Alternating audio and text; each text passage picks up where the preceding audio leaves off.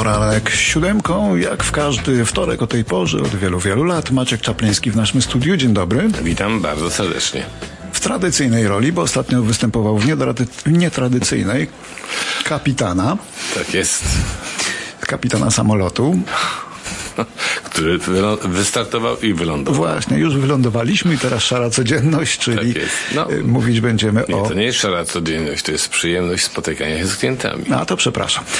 Y, będzie dzisiaj ważny temat omawiany przez Maćka, bo proszę Państwa, od kwietnia zaczął funkcjonować program mający mm, pomóc kupującym pierwszą y, nieruchomość pod nazwą First Home Saving Account, w skrócie FHSA. Mhm.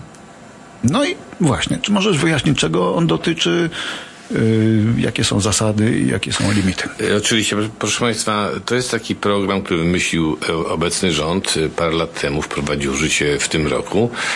I on ma jakby pomóc kupującym po raz pierwszy zebrać pieniądze na zakup swojej pierwszej nieruchomości. I zaraz o szczegółach powiem, ale przypomnę, że podobny program, który też pozwala zebrać pieniądze na down payment, bo tutaj głównie o to chodzi, istnieje już od lat 90 90. i to jest po prostu pod nazwą Home Buyers y, Plan w ramach RRSP. Państwo pamiętacie, że jeżeli zbieracie pieniądze na RRSP, to możecie wyjąć y, do 35 tysięcy dolarów na osobę, jeżeli kupujecie swój pierwszy dom. Minusem tego programu, który niestety jest moim zdaniem bardzo poważnym minusem, y, to jest to, że ok, możemy wyjąć pieniądze bez płacenia podatków na, na zakup pierwszej nieruchomości, ale potem jak już tą nieruchomość kupimy, to musimy, startując od drugiego roku posiadania tej nieruchomości, spłacać jedną piętnastą z powrotem, wpłacać na RRSP. Jeżeli tego nie zrobimy, to będzie nam ta suma doliczona do naszych zarobków i będziemy musieli od tego zapłacić podatki. Także e, rząd pomaga, ale też z drugiej strony o swoje dba i odbiera te pieniądze w sposób e, bezwzględny. I ten plan, właśnie Home Buyer Plan jest nadal aktywny, można z niego korzystać.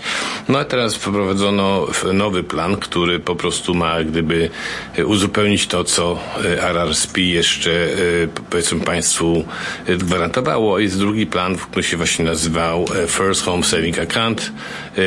To jest taki plan, który polega na tym, że będzie można wpłacać pieniądze na specjalne konto, które można założyć i to konto y, ma generalnie rzecz biorąc pozwalać płacić do 400 tysięcy dolarów, tak zwane lifestyle, czyli możemy zbierać to przez ile lat chcemy i żeby te pieniądze potem wykorzystać na zakup pierwszego domu, jeżeli je wyjmiemy to e, powiedzmy te pieniądze są nieopodatkowane, możemy wpłacić w całości na down payment i nie są, nie trzeba ich spłacać z powrotem. Czyli to jest ten plus tego planu, że w przeciwieństwie do planu związanym z RRSP, tam musimy pieniądze oddać. Tutaj te pieniądze, jeżeli są przeznaczone na zakup pierwszego domu, nie musimy ich zwracać. Limit jest również taki, że możemy maksymalnie wpłacać 8 tysięcy dolarów rocznie. W związku z tym, żeby zebrać te 40 e, tysięcy maksymalny, który można na ten plan wpłacić, to łatwo policzyć. Musimy użyć 5 lat zbierania, żeby zebrać 40 tysięcy. To jest spory okres czasu, o czym zresztą skomentuję na końcu.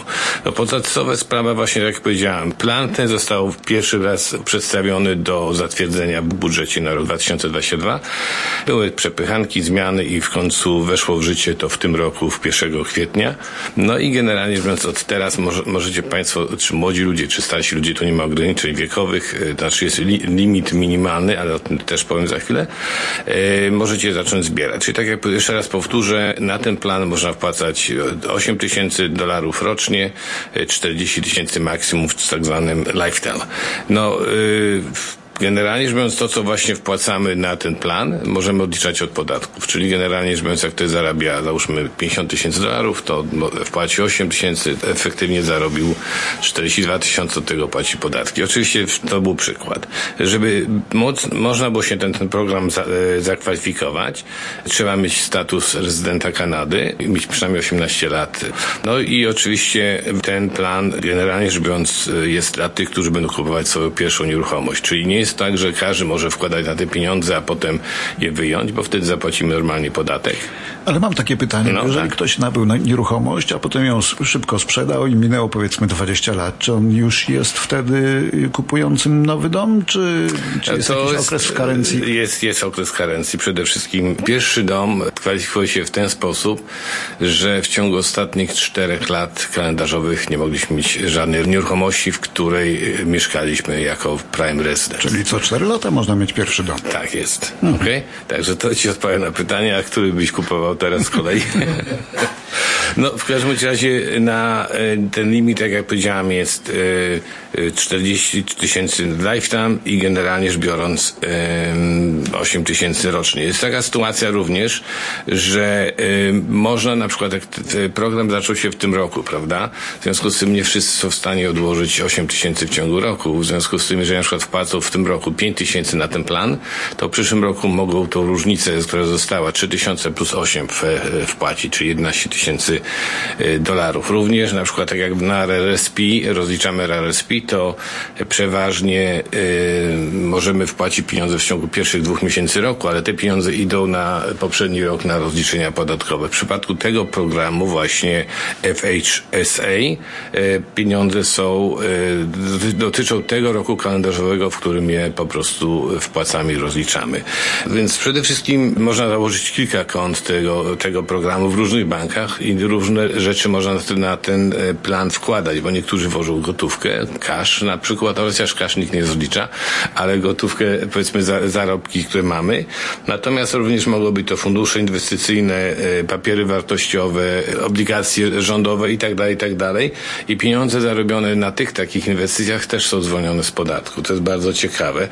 Jeżeli powiedzmy właśnie wypłacimy te pieniądze z tego programu, to oczywiście one są nieopodatkowane. Natomiast jeżeli by się okazało, że wypłacimy te pieniądze e, i użyjemy na coś innego, bo to są w końcu nasze pieniądze, to wtedy się pojawi podatek. E, no, generalnie rzecz biorąc, żeby wybrać pieniądze z tego programu, musimy się na to kwalifikować. Tu jest właśnie cała historia jest też ważna, że musimy spełniać to poczucie, że jesteśmy pierwszym kupującym i to jest sprawdzane. E, musimy mieć umowę, kup, ważną umowę kupna i sprzedaży nieruchomości, to też jest potrzebne. No i oczywiście musimy się deklarować, że w tym zakupionym domu będziemy mieszkać przynajmniej rok czasu jako ci właśnie first time kupujący buyers. Także generalnie rzecz biorąc jest kilka warunków, a jeszcze inna sprawa, dom musi być zlokalizowany w Kanadzie, czyli nie można na przykład kupować sobie domu we Włoszech albo coś w ten sposób, po prostu musi być y, dom w Kanadzie.